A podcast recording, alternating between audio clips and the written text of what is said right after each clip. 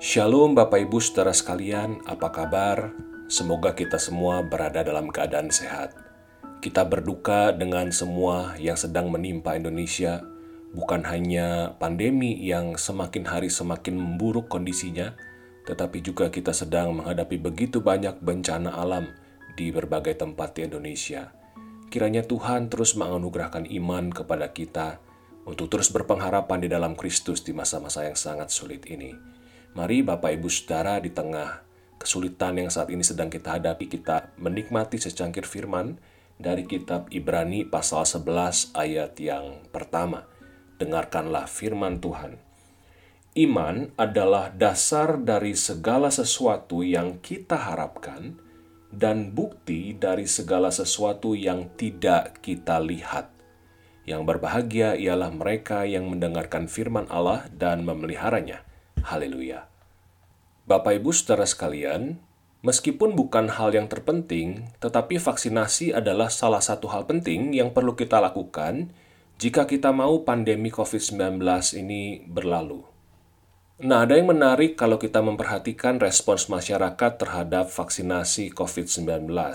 Pertama-tama ketika pemerintah berencana mendatangkan vaksin, vaksin Sinovac yang pertama, Lalu masyarakat mulai berkata, udah ada izin BPOM belum tuh itu vaksin, aman nggak tuh?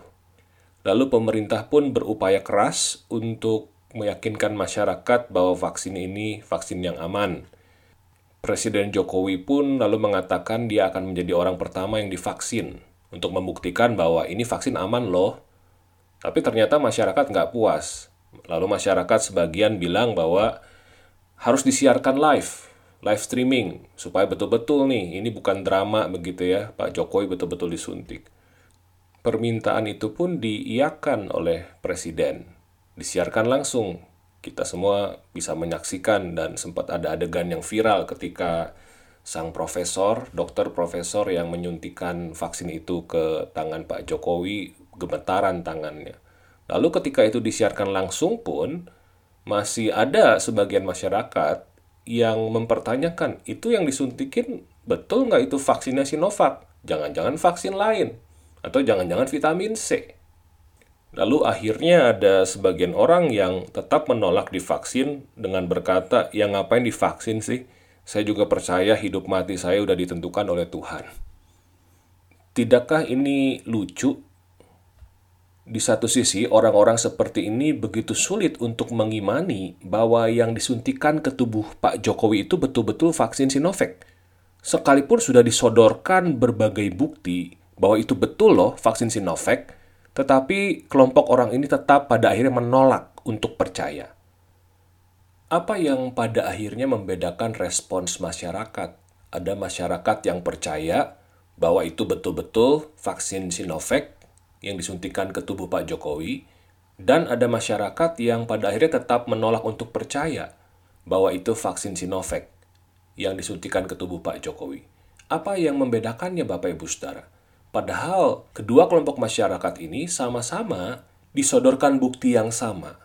Keduanya juga sama-sama tidak ada di lokasi kejadian, sama-sama tidak mengecek langsung apakah betul itu vaksin Sinovac atau bukan tetapi responsnya bisa berbeda.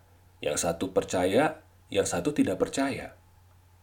Apa yang menyebabkan kedua respons yang sangat kontradiktif ini? Saya pikir jawabannya sederhana.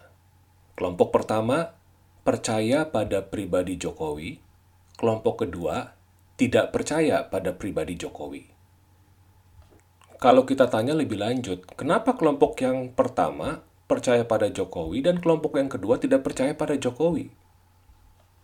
Saya pikir lagi-lagi jawabannya sederhana. Kelompok pertama merasa punya cukup bukti untuk percaya kepada Jokowi. Sedangkan kelompok kedua merasa tidak punya cukup bukti untuk percaya kepada Jokowi. Sekalipun bukti-bukti yang disodorkan tentunya sama.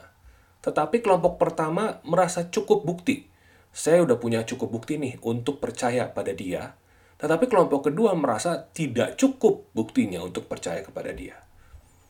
Di sini kita melihat sebuah ilustrasi dari apa yang dikatakan Ibrani 11 ayat 1. Iman adalah dasar dari segala sesuatu yang kita harapkan dan bukti dari segala sesuatu yang tidak kita lihat. Bukan berarti ketika kita beriman kepada sesuatu, kita tidak membutuhkan dasar dan bukti untuk beriman. Kita butuh karena kalau kita beriman tanpa dasar atau tanpa bukti, itu yang disebut dengan fideisme. Beriman kepada iman. Beriman yang membabi buta. Kita butuh dasar, kita butuh bukti untuk beriman. Tapi pertanyaannya, berapa banyak bukti sih yang kita butuhkan untuk beriman? Berapa banyak bukti? Karena bisa jadi kita menjadi seperti kelompok yang menolak percaya bahwa Jokowi betul-betul divaksin dengan vaksin Sinovac. Sekalipun sudah begitu banyak bukti bahwa Tuhan itu layak kita percayai, bahwa Tuhan tidak akan tidak setia, bahwa Tuhan tidak akan meninggalkan kita, bahwa pada akhirnya semua yang sedang terjadi saat ini akan berujung indah. Meskipun sudah banyak bukti untuk kita mengimani itu semua, tetapi bisa saja kita berkata, tetap saya merasa belum punya cukup bukti untuk percaya kepada Tuhan. Pertanyaannya, berapa banyak lagi bukti yang kita butuhkan? Sekali lagi, kita butuh dasar, kita butuh bukti untuk kita bisa beriman kepada Tuhan. Kita butuh Bapak Ibu Saudara. Namun kita harus mengakui, kadangkala masalahnya itu ada di diri kita sendiri. Kita yang memang tidak mau beriman, Sekalipun sudah begitu banyak dasar dan bukti yang disodorkan, kitanya aja yang nggak mau beriman kepada Tuhan. Saya senang sekali dengan sebuah kalimat yang pernah dituliskan oleh seorang teolog asal Amerika Serikat, Roger Olson.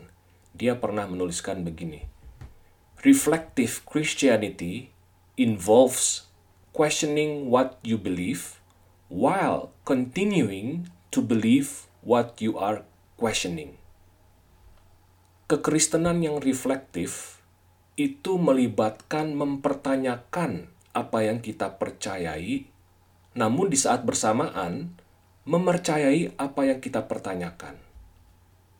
Paradoks yang indah, bukan?